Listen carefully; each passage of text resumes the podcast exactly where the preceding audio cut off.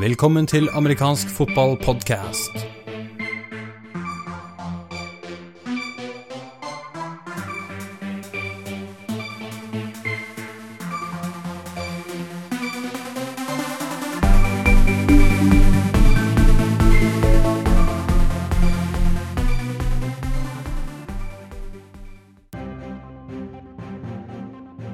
Velkommen til episode 18 av amerikansk fotballpodkast.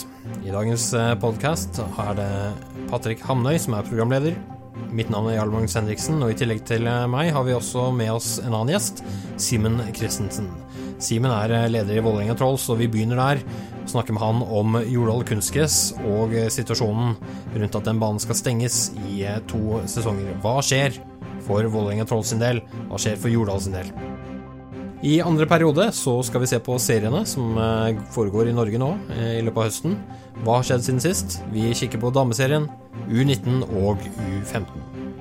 I tredje periode så er det reglementet, kampreglementet, og en del diskusjon rundt viktige elementer der vi tar for oss.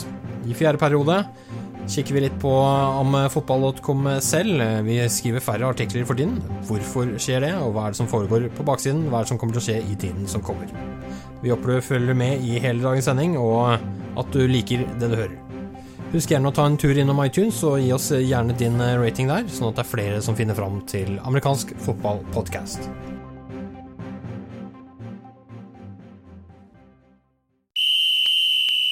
Da er vi klare for første periode av dagens sending.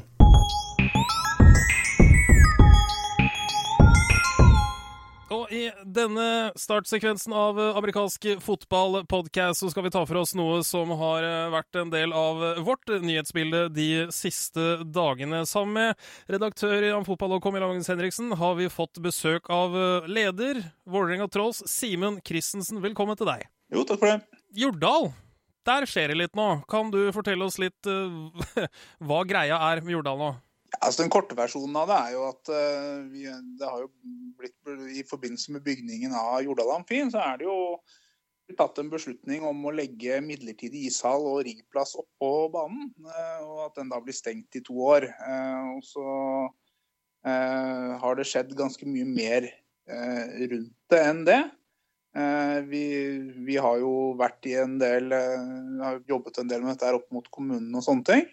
Jeg opplevde også at det var en del usikkerhet rundt hvorvidt vi i det hele tatt ville få lov å komme tilbake etter de to årene.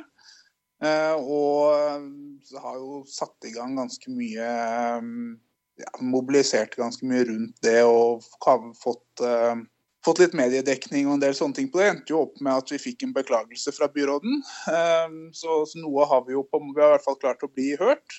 Og så, vi, så er det fortsatt mye som gjenstår som er litt sånn uklart. Da. så det er jo fortsatt en veldig krevende situasjon for oss. Det er det. Så dere, Det er jo for så vidt ikke noe nytt det at Oslo kommune hadde sett for seg å gjøre en del med, med Jordal Amfi. De planene har jo, har jo ligget, der, ligget, der, en stund, men likevel så virker det sånn på meg som eh, innvirkningen eh, denne nybyggingen, ombyggingen av Jordal Amfi skulle få for deres hjemmebane Jordal. Eh, de konsekvensene var ikke helt eh, gjort rede for da, på et tidlig tidspunkt. Er det, er det, mitt inntrykk, eller er det, er det feil? Nei, det, nei det, kan man vel trygt si. altså denne beslutningen her er tydeligvis, eller ifølge Eli Grimsby, som da er direktør i dette Kultur- og idrettsbygg Oslo kommunalt foretak, som, som står for byggingen. da. De, de, har jo tydeligvis besluttet dette her i januar, men det er jo ikke sånn at noen har tatt kontakt med oss som brukere på noe tidspunkt. sånn at vi fanga jo opp dette her måte, rett før sommerferien så begynte vi å få nyss om dette her ved at uh, forbundet da ble innkalt til et møte, og så ga de oss beskjed fordi de følte det var naturlig at vi var med. Så, så, jo, så var ikke det møtet helt det vi trodde. Uh, det møtet var jo bare med idrettskretsen. Vi hadde jo trodd at det skulle være et møte med kommunen og sånne ting, men så har vi jo da måttet uh, begynne å jobbe veldig med det i etterkant av det. da Vi fikk jo sendt Eh, sendte bl.a. mail til byråden, og fikk jo da et møte med byrådssekretæren, da, Frode Kyvåg, som for så vidt er jo en kjent navn i Idretts-Norge. Det er han absolutt, og du nevnte litt at dere har jo forberedt en del, hva skal vi kalle det, mediedekning. Og senest nå på denne her podkasten kommer ut på fredag, og i går torsdag så ble det også lagt ut en teaser for en, for en film som, som dere har lagd. Hva var hensikten med denne filmen, Simen? Ja, altså, I og med at det ble skapt en del usikkerhet rundt hvorvidt eh, vi skulle få komme tilbake etter at byggeprosessen var gjennomført. Altså, vi har jo, vi har jo, Det hører jo med til historien at vi har jo lagt fram eh, alternative forslag som vi mener er mye bedre. Altså, for at Man slipper å stenge banen. Eh, plassere En annerledes plassering for eh, denne midlertidige hallen eh, og, og riggplass. Eh, kan man jo løse på mange måter for så vidt i et sånt prosjekt. sånn at og Det er mye plass rundt omkring på jorda. Det er mye parkeringsplasser og det er mye, mye som man kunne utnytta på en helt annen måte. Altså, for oss så framstår det som ganske merkelig å stenge banen. Men, eh, men, den filmen var jo fordi det framsto som uh, veldig uklart om, om, vi fikk lov å i det hele tatt komme tilbake også etter byggingen. Og det, det ville vært helt altså det, det, er ikke til å leve med for oss. så vi vi begynte jo da å lage en film som skulle brukes i det arbeidet. altså Rett og slett en, sånn, en eh, kampanjefilm på mange måter. Tok opp mye opptak til det, og da gjorde vi jo det i tilknytning til den U19-kampen som var i helgen. fordi at det var muligens siste sjanse til å få filmet noe mens det var aktivitet på Jordal der.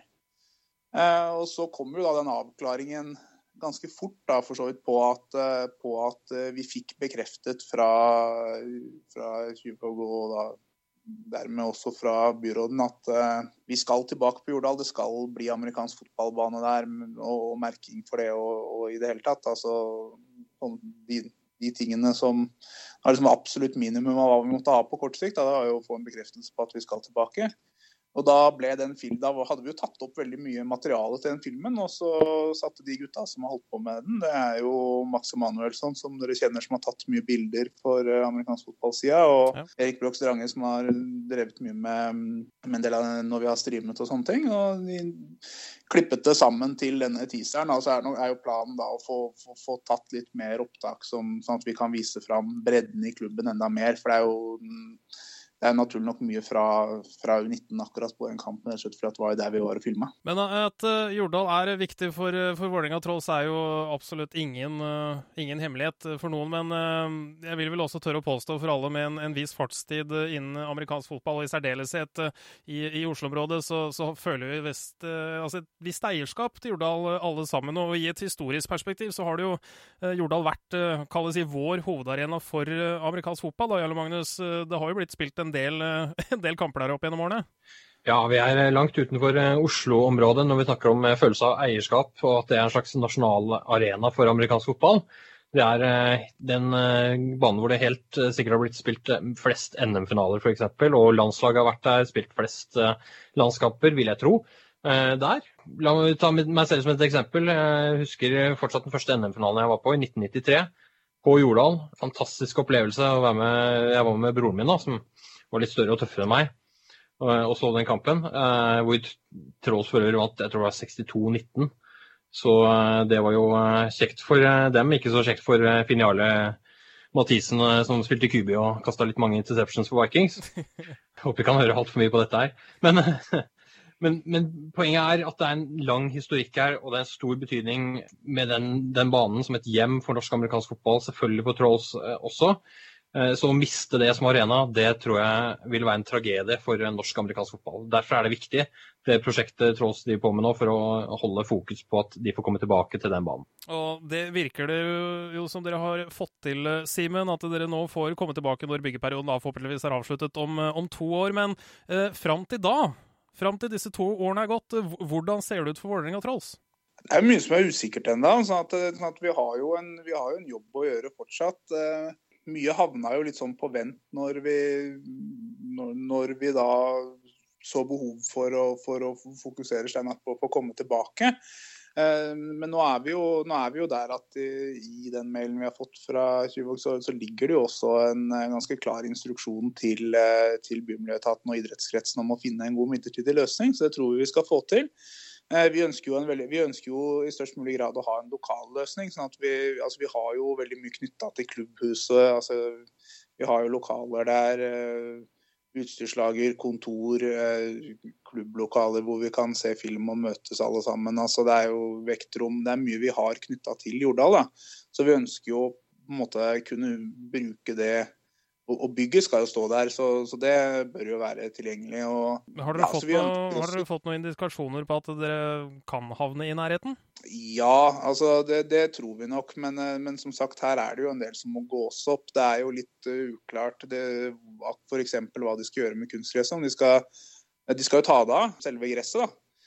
Og legge det sannsynligvis et eller annet sted. For det ligger nok an til at de må legge helt nytt kunstgress. Det er jo tre år gammelt, det gresset. sånn at det er jo litt dårlig planlegging, kan man si. Men eh, det er jo et stort prosjekt jeg har blitt en del av, da, så det forsvinner vel litt der. Det koster jo litt for et sånt kunstgress òg, egentlig. Det det. Men, eh, men, det blir nok sånn. Eh, så får vi se litt hvilke muligheter. Det, det kan være aktuelt å rulle ut gress på noen grusbaner som ikke ligger så langt unna. Det kan, være, det kan jo være, det finnes jo alternativer f.eks. på Eh, Valle, eh, Kalteksløkka borte på Tøyen, altså andre steder som er forholdsvis nært til Jordal. Eh, så vi får jo gå en sånn runde på, på hva alternativet blir.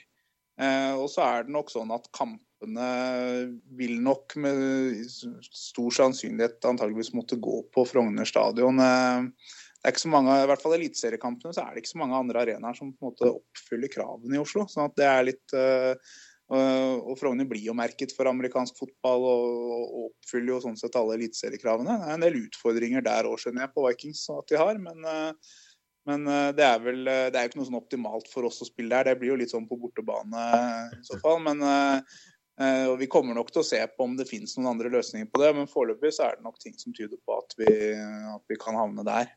Uansett så håper vi, og som det høres ut på deg, og kanskje også tror, at dette løser seg. Jeg kan vel nesten med, med sikkerhet si at dere har eh, full støtte fra et samlet Fotball-Norge på å få dette her til. Eh, avslutningsvis takker dere begge eh, for at dere tok dere tid til å forklare litt, spesielt Simen. Nå veit vi litt mer om, om hva som foregår, og så gleder vi oss til å se resten av filmen. Da er første periode over, og vi er klare for andre periode.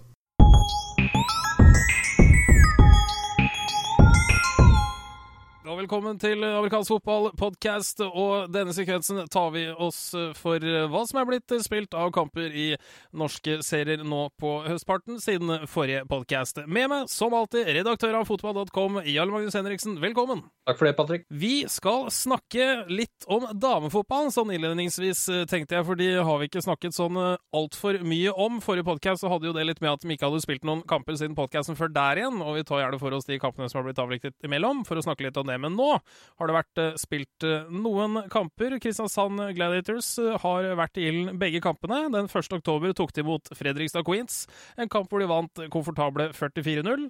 Og den 8. oktober så tok Kristiansand damelag seg turen over til Haugesund, og vant over Haugesund med 28-0. Relativt solide resultater fra Kristiansand Gladiators. Der begynner vi å øyne topplagene i serien, Jarle Magnus. Det er nok ikke tvil om at det er Trolls og Gladiators også i år, som ender opp som eh, ja, de som burde fått spille en finale. Nå blir det vel ikke finale slik sett, men det blir en kamp om å, om å vinne serien. Det som derimot er mer bekymringsfullt, det er jo da at eh, nå skulle det blitt spilt også en kamp til helgen hvor eh, Fredrikstad Queens skulle tatt imot Vålerenga Trolls. Og den kampen er avlyst eh, fordi hjemmelaget har trukket seg fra kampen. Og det er eh, svært bekymringsfullt i en serie hvor det er fire lag. Eh, og det er litt sånn Vi har sett mange lag som har trukket seg i år, på mange nivåer. Det er eh, veldig kjipe greier, og det er dumt når det skjer. Eh, stort sett så er det liksom ikke sånn oi, kritisk for sporten i Norge. Men når det er fire lag, som det er i damefotballen, og et av dem trekker seg, selv om det er for en kamp, og de har en kamp igjen, og vi, vi tror nok den kommer til å gå, da begynner det å spøke litt. slik at her er det noe for forbundet og klubbene selv å holde et øye med. Eh, prøve å få rekruttert inn, slik at det er flere enn fire lag på damefotballen. Det tror jeg er utrolig viktig. Og det er klart, Av åtte kamper, og én av de blir borte, så er det jo over 10 av eh, serieavviklinga som rett og slett forsvinner. Så eh, som du sier, fire lag gjør det ekstremt sårbart. Jeg må jo innrømme at jeg var jo litt overraska over at altså Nå vet jo ikke jeg veldig i detalj hvorfor Fredrikstad valgte å trekke seg fra den eh, kommende kampen som skulle vært spilt mot Vålerenga Trolls. For de gjorde det jo ganske greit mot Trolls den første kampen de spilte på Jordal. Men uh, du har kanskje litt mer innsyn i hvorfor eventuelt Fredrikstad ikke får spilt til helgen? Ja, Vi har litt indikasjoner på det. og, og blant annet så er En indikasjon det er uh, sist kamp de spilte, borte i Kristiansand, så hadde de med seg 14 spillere. og Etter egne utsagn så var de åtte som sto oppreist når den kampen var slutt. Da er det ikke mye igjen av en stamme som var stor i fjor. Så jeg tror nok det ligger mye der. Jeg har vel indikasjoner på at, at de nå tror at de får laget på beina igjen til neste kamp, som også er hjemme, mot Haugesund. Og Det får vi inderlig håpe, sånn at det blir med den ene kampen. Det får vi absolutt håpe. Det er litt som vi snakket om med de, de, de som tidligere var ansvarlig for damefotballen i forbundet. Eh, som, som, sa det at ja, nå er vi på en måte etablert, nå er vi i gang som en ordentlig serie, og nå begynner de å merke utfordringene som da si herrefotballen har hatt gjennom mange år i Norge. Så vi får håpe at de klarer å veksle på de erfaringene som er blitt gjort. Vi får håpe at det kommer til si et par lag til. Det tror jeg hadde gjort veldig mye for dameserien i Norge. Og i U19 har det også vært spilt kamper siden sist. Jarle Magnus, har du lyst til å gå gjennom de kjapt?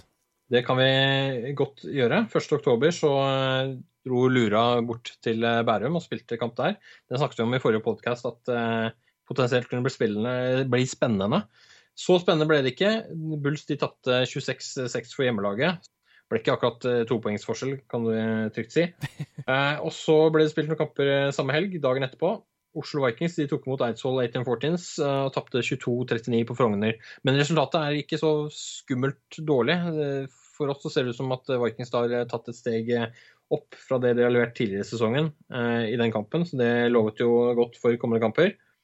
Og så tok Starfighters imot Vålerenga Trolls, og det endte med forutsigbare 74-0 til Vålerenga Trolls. 9.10 det er altså den helgen som eh, gikk nå, sist. Så var det Vikings hjemme mot eh, Starfighters. Eh, og da var det jo gitt at ett lag som tapte helgen før, kom til å vinne.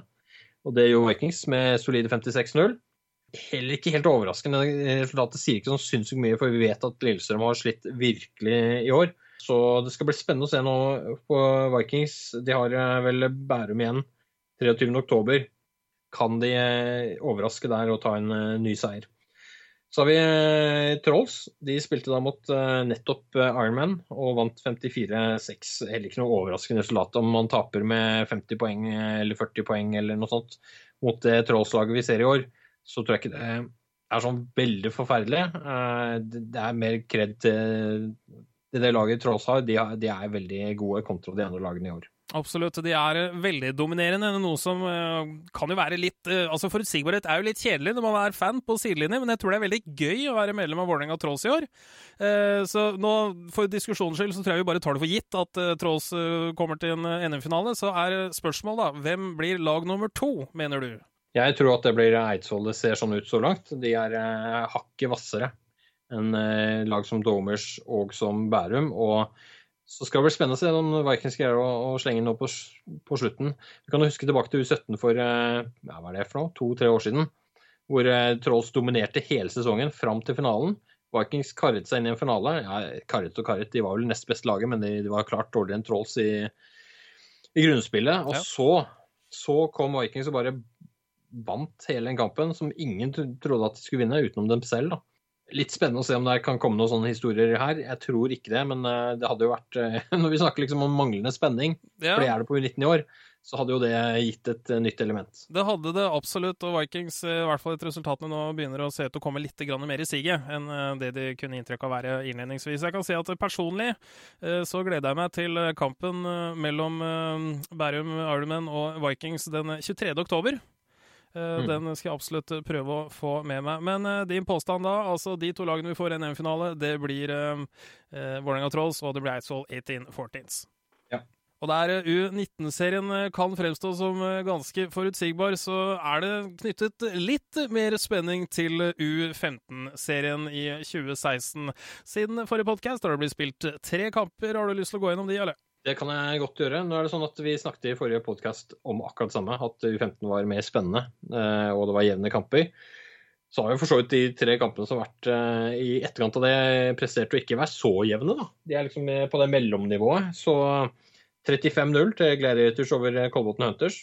Ja, vinner ikke NM i jevnhet, det heller. eh, og så Samme dag så spilte Åsane hjemme mot eh, Eidsvoll, en kamp som eh, for øvrig gikk på livestream, som Åsane fortsatt eh, gjør også på det nivået. Der var det Eidsvoll bortelaget altså, som vant 29-6.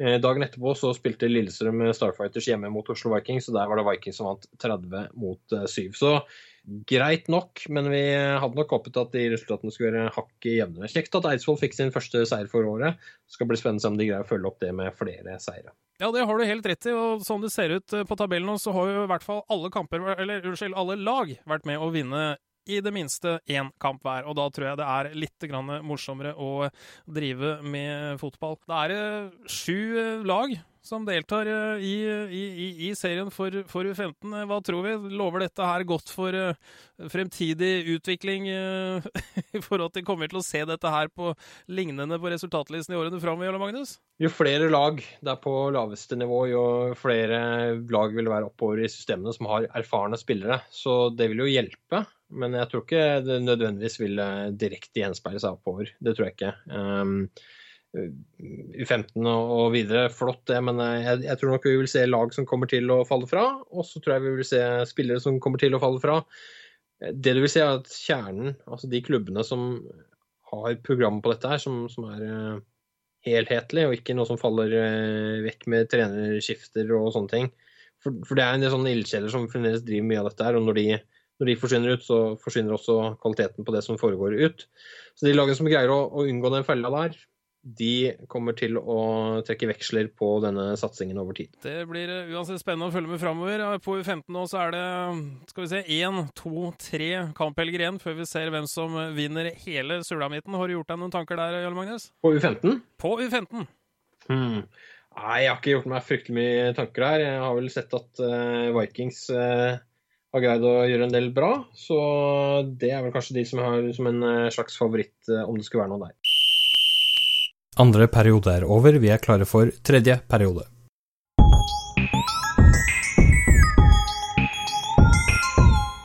Og I denne sekvensen av eh, amerikansk fotballpodkast så har undertegnede og Jarle Magnus Hedriksen, redaktør av Fotball.com, egentlig bestemt oss for og si litt uh, vår hjertens mening om uh, ting som burde gjøres annerledes uh, til neste år. litt kjedeligere i forhold til tema. Vi kommer til å snakke regelverk, for der veit jeg at du har en del meninger, Magnus, og i særdeleshet rundt dette her med lag som da trekker seg fra kamper under sesong. Har du lyst ja. til å utdype den litt mer? Vi, vi, vet at det er en eh, regel som vi også gikk inn på forrige podkast, som tilsier at man kan trekke seg fra én kamp uten at det egentlig har noen sånn direkte konsekvenser for at man liksom da forsvinner ut av serie. og Det gjorde man i gamle dager, i hvert fall før i tiden. så var det, og det å trekke seg fra en kamp eh, hadde store konsekvenser. Nå har det mindre konsekvenser. Eh, det er nok fremdeles noe her i forhold til dette med utgifter for kamp og f.eks. dommerreiser og sånne ting. Hvis man trekker seg seint. Men uh, strengt tatt så kan man, uh, man kan på en måte spekulere i uh, hvilken kamp man trekker seg fra, ut fra f.eks. økonomiske forhold. og det vet vi at det er lag som har tenkt på, uten at vi har sterke nok bevis for det til at vi skal ta opp enkeltsituasjoner nå, men vi, vi, vet at det har blitt diskutert og tenkt innad i noen klubber. Sånn at det er uønsket. Eh, å ha den muligheten eh, åpen på den viset, det viset som det er nå. Så når det da kommer til eh, den regelen som nå står som at det er fullt mulig å trekke seg fra én kamp i sesongen uten å bli kasta ut, så skulle du helst ha sett for deg hva nøyaktig? Ja, det har vi ikke noe fasit på, og det er det som er litt kjipt med den situasjonen. For fordelen med den regelen er at man kan trekke seg fra en kamp, typisk fordi man hadde for få spillere eller et eller annet skjedde som som var veldig spesielt den ene helgen. Konfirmasjonshelg er sånn klassiker på U17 nå. Åh, slutt med religion. eh, men eh, poenget, poenget, blir det samme. Man har et eller annet sånn stort som, som slår inn, eh, eller stort nok. Og så trekker man seg fra den ene kampen, men så kan man fortsette serien. Og tanken bak er nok da at uh, istedenfor at uh, Si at man uh, hadde en kamp i begynnelsen av sesongen som man må trekke seg fra. Eh, hvis man da ble tvunget til å trekke seg helt ut av serien, så mista de andre lagene fem påfølgende kamper mot dette laget. Og ikke minst de spillerne som er på det laget. Det er som regel ikke spillerne som har skyld i dette, det er en organisasjon rundt som må ta ansvaret. Så når vi kritiserer lag for å trekke seg, eh, så må man høre litt etter. For det er ikke spillerne som får kritikken for det, det er lagledelsen som får kritikken for det. Og det bør de ta til seg. Det er ikke, vi skal ikke drive på oss og liksom sy puter under armene på folk. Eh, vi driver på med amerikansk fotball fordi det skal bli bra. Det er vår interesse i det. Eh, og det betyr også at vi skal være villige til å gi kritikk når det er kritikk som bør gis. Og det er det i sånne tilfeller hvor man trekker lag. Nå avsporer jeg litt fra selve den regelen, men, men det er her utfordringen ligger. Det er når er det man skal kunne trekke seg, når er det man ikke skal kunne trekke seg. Og der er det noe som klubbene må tygge på i fellesskap, og helst på en sånn situasjon som ledersamlingen som går hver høst, slutten av november, tror jeg det er. Mm. Hvor eh, det er eh, mulighet til å gi innspill i forhold til kampreglementet. Det skal egentlig gis i god tid i forveien før den helgen, da, så eh, man bør tenke ut litt der. Men jeg håper jo at forbundet selv kjenner sin besøkelsestid i forhold til hva kan vi gjøre for å unngå eh, at den regelen blir eh, misbrukt. Dette er ikke en teoretisk mulighet, dette er en reell situasjon som vi vi har litt inside-info på at det har bl.a. blitt eh, tenkt. Det, det, har vi jo. Det er for så vidt året sett under ett. Det, er bare blitt, eh, det bare blir så mye tydeligere nå under, under høsten, hvor det er eh, bitte lite grann færre kamper som spilles i litt mindre serier. Så det blir så, så innmari tydelig når det skjer. Men hvis vi da sier du sier klubbene må ta litt ansvar sjøl osv. osv. Skulle det da vært rett og slett en høyere terskel for å melde på lag? Mm. Det interessante spørsmålet rundt det, eller det er altså kriteriene for det. Hva kan man benytte som kriterier? Og jeg tror at eh, f.eks. et eh, minimum antall lisensierte på ett tidspunkt i god tid før seriestart bør ligge til grunn for at man skal kunne delta i en serie. Men dette er jo notorisk vanskelig å planlegge, og da i særdeleshet på yngre nivåer. Mm. Men du mener likevel at det bør stilles krav til et visst antall lisenser før et visst tidspunkt, selv om da dette da ja. i praksis kan bety at du da får færre lag totalt som melder seg på. Altså, hva, hva er å foretrekke her, er vel det jeg lurer på. Altså, skal du da være en terskel hvor du setter såpass at eh, vi prøver å få inn flest lag som mulig, og derav også lisenser, bare ikke akkurat på et gitt tidspunkt, kontra det å heller ha færre lag, men til gjengjeld mer forutsigbarhet i serien. Et, et, annet spørsmål her er hvor vanskelig skal det være å ha treningskamper og privatkamper? Eh, fordi eh, lag som ikke er klare Dette her har de egentlig jobbet med i Storbritannia i lang tid. Eh, der har de Om de har så mye strengere krav, det skal jeg være forsiktig med å si, for det er en del lag som trekker seg fra seriespill der også. Men de har prospect-lag som ikke får lov til å melde seg på serie før de har oppnådd et visst nivå. Det har fortsatt vært en debatt i Storbritannia i lang tid. Hva, hva ligger det altså, på et visst nivå? Altså, hvilke krav er dette? Uh, ja, jeg har ikke alle kravene i hodet. Men det er vel eh, typisk ting som antall uh, lisenser og antall uh, klubbmedlemmer og den typen ting ja. som ligger til grunn for det. Men jeg er ikke helt satt inn i annet enn at jeg har sett diskusjonen gå, for jeg er med i noen britiske fora og følger med der. Men jeg, husker ikke Ja, selvfølgelig er jeg det. Selvfølgelig er du det. Ja, yes, ja. Men det er, det, er, ting å lære av å se hvordan andre gjør ting, og ikke minst hva de strever med. og britene har, de har en haug med kamper som blir avlyst hvert eneste år. Men eh, noen av de pga. manglende spillere, så dette er ikke noe bulletproof, dette her heller. Eh, men ma mange av kampene der blir avlyst pga. Av baneforhold. Baner som blir truffet av flom og sånne ting. Så har de, de har mye regn i Storbritannia. Det er akkurat som hele landet liksom Det er Bergen på Bol.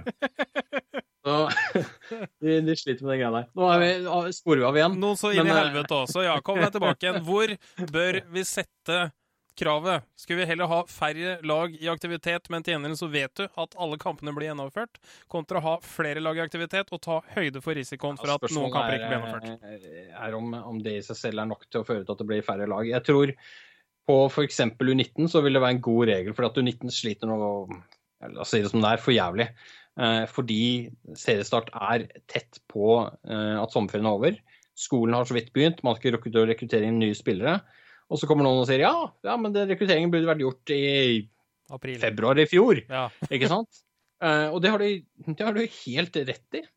Uh, men situasjonen er ikke sånn. Og da, da, er vi inne på spørsmålet ditt. Ja, men hvis vi setter strengere krav, f.eks. at uh, det må foreligge 15 lisenser innen 1. mai på U19, så mister vi en haug med lag. Kanskje gjør vi det, men kanskje vi, er vi faktisk tjent med det på spesielt U19, altså. Jeg tror eh, det, vi heller skal satse på å gå den veien, at vi har noen eh, krav. Kanskje kan vi begynne med at det ikke er et formelt eh, sånn krav til at du blir, du blir kasta ut hvis du ikke har det på plass, men det er, det er noe her med oppfølging. da. Det er noe med at Hvis forbundet vet det antallet på det tidspunktet, så vet de at OK, Trolls er OK. Bergen Storm er OK. Nå bruker jeg navn fra historien som eksempel her. Domers er OK. Mens oi, Kristiansand og Lura og Vikings de ligger dårlig an. De må vi snakke mer med, men vi må følge dem opp. Og så bør det faktisk være et ansvar som ligger både på klubbnivå, men det bør ligge på en sånn, som en slags rapporteringsgreie som forbundet får inn og har oversikt på, og kontakter de klubbene for å følge opp. Og så har man kanskje en dato seinere, si 1.7, hvor det faktisk er et kriterium at da må det være oppnådd. Jeg tror det er veien å gå. Det, det høres jo sånn ut. Det eneste jeg sitter og tenker i huet mitt nå, altså hvilke, hvilke frister setter du her? Ja. Mm. og som du sier, U19 er jo et, for å si det på godt norsk, helvete i forhold til planlegging. For du har den første kampen din tre uker etter at eh, skolen er ferdig, og til og med da så tar det gjerne en uke før folk skjønner at skolen er i gang igjen, sånn at de begynner å dukke opp på trening. Så hvis ikke du har en ganske anstendig kjerne fra enten U17-laget ditt eh, senior for enkelte klubber, så bør du gjerne da begynt å planlegge tidligere. Men nå har det også vist at det er ikke gitt at alle som deltar på U17, går da enten rett videre til U15 eller til U19. En, bekymring som har ført til en del regelendring eh, de siste årene på U19, bl.a. i forhold til dette med antall spillere man må ha i tillegg til de som er på bane og sånne ting. Ja. Eh, og f.eks. Eh, hvis man har spillere som er yngre, de har dispensasjon for å spille på nivået. De skal ikke telle opp mot den grensa osv. Det er regler som har kommet inn siden ja. Ja, 2009 osv. utover. Bekymringen der, sånn som jeg oppfattet det, har jo vært at man driver rovdrift på spillere som er for unge. Eller som man ikke på en måte, Man tar ikke vare sikkerheten godt nok. Dette er akkurat det samme leia. Ja. Vi snakker altså om at lag kommer til start, og så har de spillere som har vært med i to dager. Eh, for vi, vi måtte ha nok til å fylle på laget. Mm. Så kommer de på banen, og så er det en fyr som har eh, nakken feil vei, og så har du en dødsulykke. Men det er, altså dette, er jo, dette er jo skrekkscenario for norsk ja, amerikansk fotball. Absolutt, helt, det er at vi ender opp med et dødsfall. Når vi ender opp med et dødsfall, så er det ikke sånn at uh, vi er store nok til å liksom forbigå det med at oi, det skjedde, og det var et uh, engangstilfelle, og her, uh, dette er ikke sånn det skal være. Vi står i fare for at når den dagen kommer at det er dødsfall, og spesielt hvis det er det skjer fordi det har vært inkompetanse på et eller annet nivå, man har, man har tillatt noen å spille før de skulle, man har ikke trent dem opp skikkelig, og det er man kan verifisere at det er tilfellet. Altså at du lar desperasjon råde, da, fremfor ja. Eh, sikkerheten? For det, den dagen kommer, og hvis den kommer, så er det store avisartikler, og det er spørsmål om skal man få lov til å drive amerikansk fotball i Norge. Det, vi må forstå hvor seriøst det er, og da tror jeg det er viktigere det enn at vi har flere lag i serie. Og uh, på den uh, positive tonen så tror jeg vi er uh, ferdig. Ja, jeg veit egentlig ikke hva jeg skal si ennå. Jeg mente ikke å sjokkere deg i hjel, Patrick. Nei, men, det er eh, absolutt ikke, men det er jo noen perspektiver som man gjør seg gjerne da som trener også sjøl. Altså, det er jo sånne skrekkscenarioer som man lager i huet ditt, som, eh, som, gjerne ender opp med å motivere deg til å gjøre alt mulig riktig før den tid. da. Men, eh, men det er som du ja, sier, det er en del hensyn å ta som man kanskje ikke nødvendigvis tenker over. De er ikke mindre reelle av den grunn. Nei, og det, her er det fristelser i forhold til liksom Oi, vi er bare hakk unna å kunne stille et lag, og det blir bra, osv. Og, så og så gjør man sånne type tabber. Jeg har selv gjort den typen tabber, ikke, ikke det nakkeeksempelet. Men, eh, men f.eks. å spille en U19-spiller som ikke egentlig var klar, som startende tailback i, i toppdivisjonen, dette er mange år siden. Og det resulterte, resulterte i en skade som gjorde at vedkommende aldri var på noen bane igjen. Altså Sånne tabber kan man gjøre. Eh, som trener så kan du lære av det. Men hva, hva er det du har ofret i prosessen? Ja. Hva, hva er Hvilket, det er et liv her, og det er, eh, det er fremtidige muligheter osv masse sånne ting som du, du, får ikke de sjansene igjen. Eh, du får dem som trener, men ikke, ikke for den spilleren. Eh, og sånne hensyn er utrolig viktig å ha tenkt igjennom. Dessverre så lærer vi mens vi går, sånn er livet. Og da er det fint å kunne få noen eh, kriterier rundt oss i form av reglement som bidrar til at vi har det fokuset. Absolutt. Vi er overhodet ikke nærmere en løsning, men jeg tror det vi kan si uansett, er at vi ønsker oss mer forutsigbarhet. Uh, og vi ønsker oss flere lag som gjennomfører alle kamper. Og så får vi fortsette å diskutere videre, så kanskje vi finner en løsning. Uansett. Uh, sier, som, eh, sier, som, Ole Brumm, ja takk, begge deler. ja takk, begge deler. Men takk for innspill. Vi snakkes. Tredje periode er over. Vi er klare for fjerde og siste periode.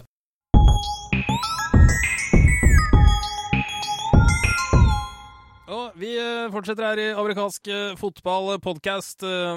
Redaktør Jarle Magnus Henriksen i amfotball.com. Du, vi driver og får litt pes for at vi skriver så lite på sida av dagen. Hvorfor, hvorfor, har du blitt lat?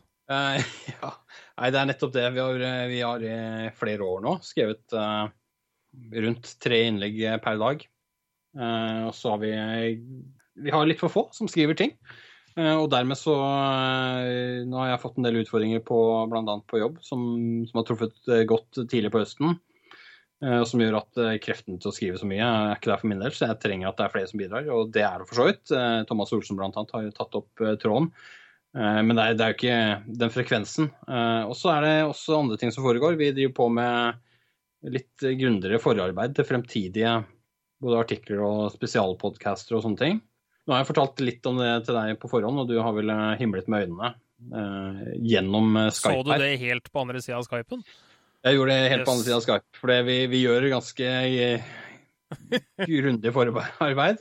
Og leter gjennom uh, gamle mikrofilmer og avisartikler og Nasjonalbiblioteket og uh, amerikanske biblioteker og forskjellige ting. Ja, Det bør jo også nevnes da, så, ja. som, eh, som, øvrig redaksjon. Så Jeg skal ikke påstå at det himla så mye med øynene, men øynene ble ganske store når du lurte på om noen kunne ta seg inn i uh, Drammens Tidende og få, få, sett på litt mikrofilm. Da begynner jeg å lure ja. på hvor i helsike langt bak du har tenkt å grave. Ja, vi, vi, driver på med noe som går på en del historikk og sånne ting, som gjør det relevant å se på enkelte lokalaviser i tillegg til, til riksmedia og sånne ting. Eh, for vi har på en del av de tingene vi finner ut, da, så har vi, har en kilde, men vi vil gjerne ha, ha det på en måte en kryssreferanse. Eh, og vi vil gjerne se om det finnes noe mer utdypende enkelte steder hvor, eh, hvor vi kanskje har litt info, men ikke så mye info som vi skulle ønske at vi hadde. Så dette er ting som kommer utover høsten, og sannsynligvis vil noe av det ikke dukke opp før eh, f.eks. neste høst. Så eh, Men det har jo allerede dukket opp uh, lite grann. Da. Vi har jo nå ja. den siste uka sett en artikkelserie som har vi titulert den 'Tidens tann'. Ja. Kan ikke du fortelle litt mer om, om motivasjonen bak, bak denne artikkelserien, Magnus?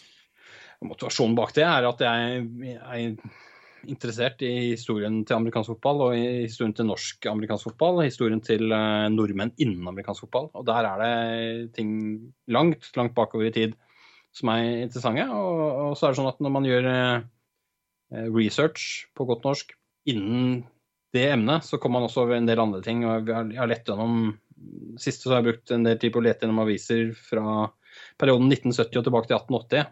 Og da kommer det over av og til ting som er eh, vittige eller interessante, men som ikke har noe med eh, nordmenn å gjøre, eller eh, norsk-amerikansk fotball å gjøre, eller den type ting. Så det er litt sånne ting som vil dukke opp, i tillegg til at det kommer sånne enkelte en eller annen som spilte high school i 1976, og så er det en avisartikkel om det. og sånne ting. Det syns jeg er interessant. Om alle andre syns det, det gir jeg egentlig litt blaffen i. uh, fordi den siden her er for uh, Denne her siden har om fotball.com har et langsiktig perspektiv. Dette skal være en kilde til masse informasjon over lang, lang tid fram.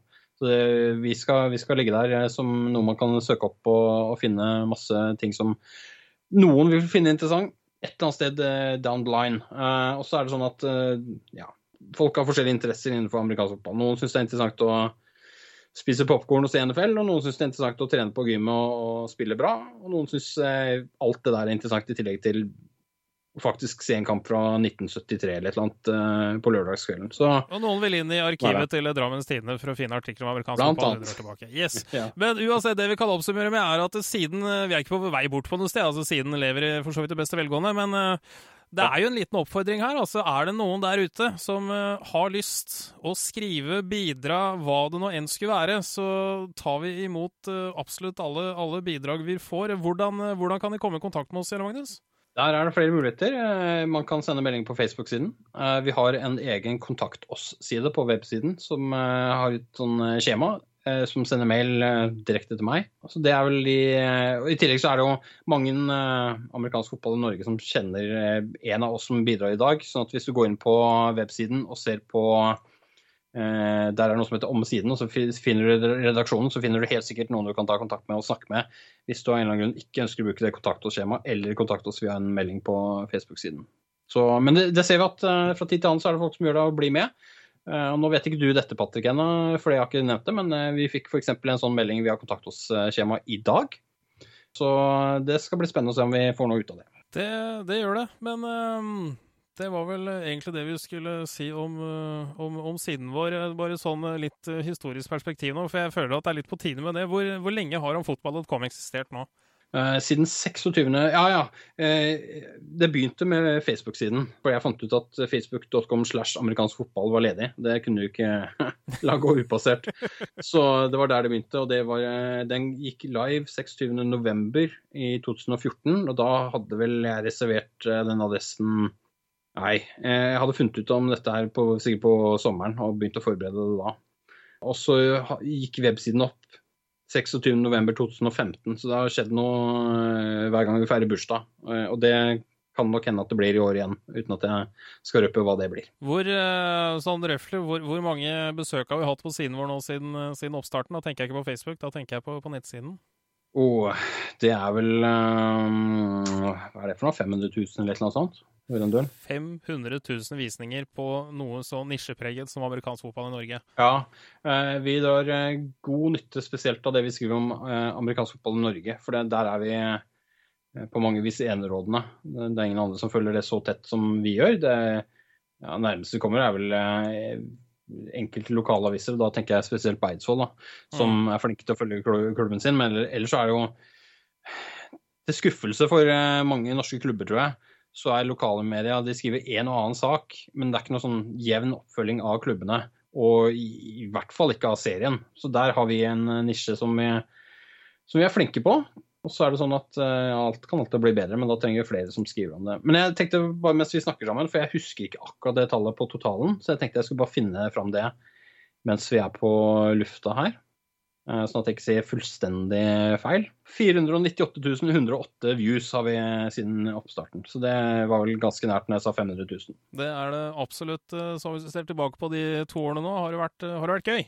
Mm, ja, det har det stort sett vært. Det eh, er minst gøy når vi ser at trafikken daler i perioder hvor hvor vi allikevel skriver mye, men det ikke er så mye som skjer i Norge. Det har en, gjerne en sammenheng der. Sommerferie og sånn?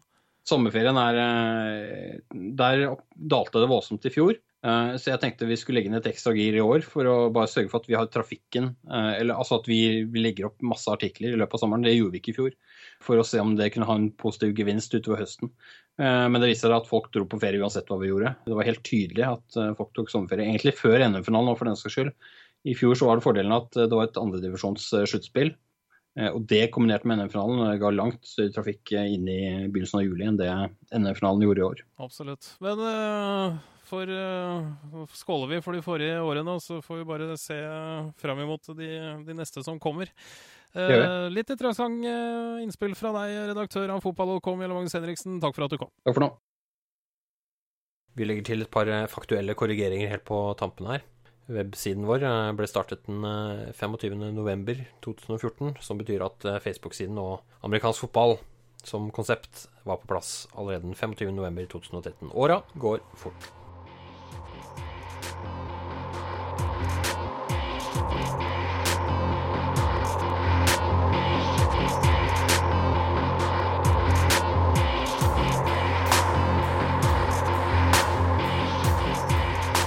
Amerikansk fotballpodkast er over for i dag. Vi takker for følget. Følg gjerne med på amfotball.com, så høres vi snart.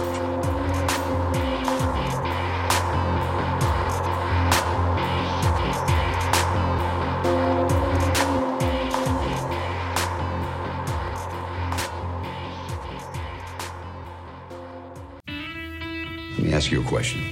You like playing football? I love playing football.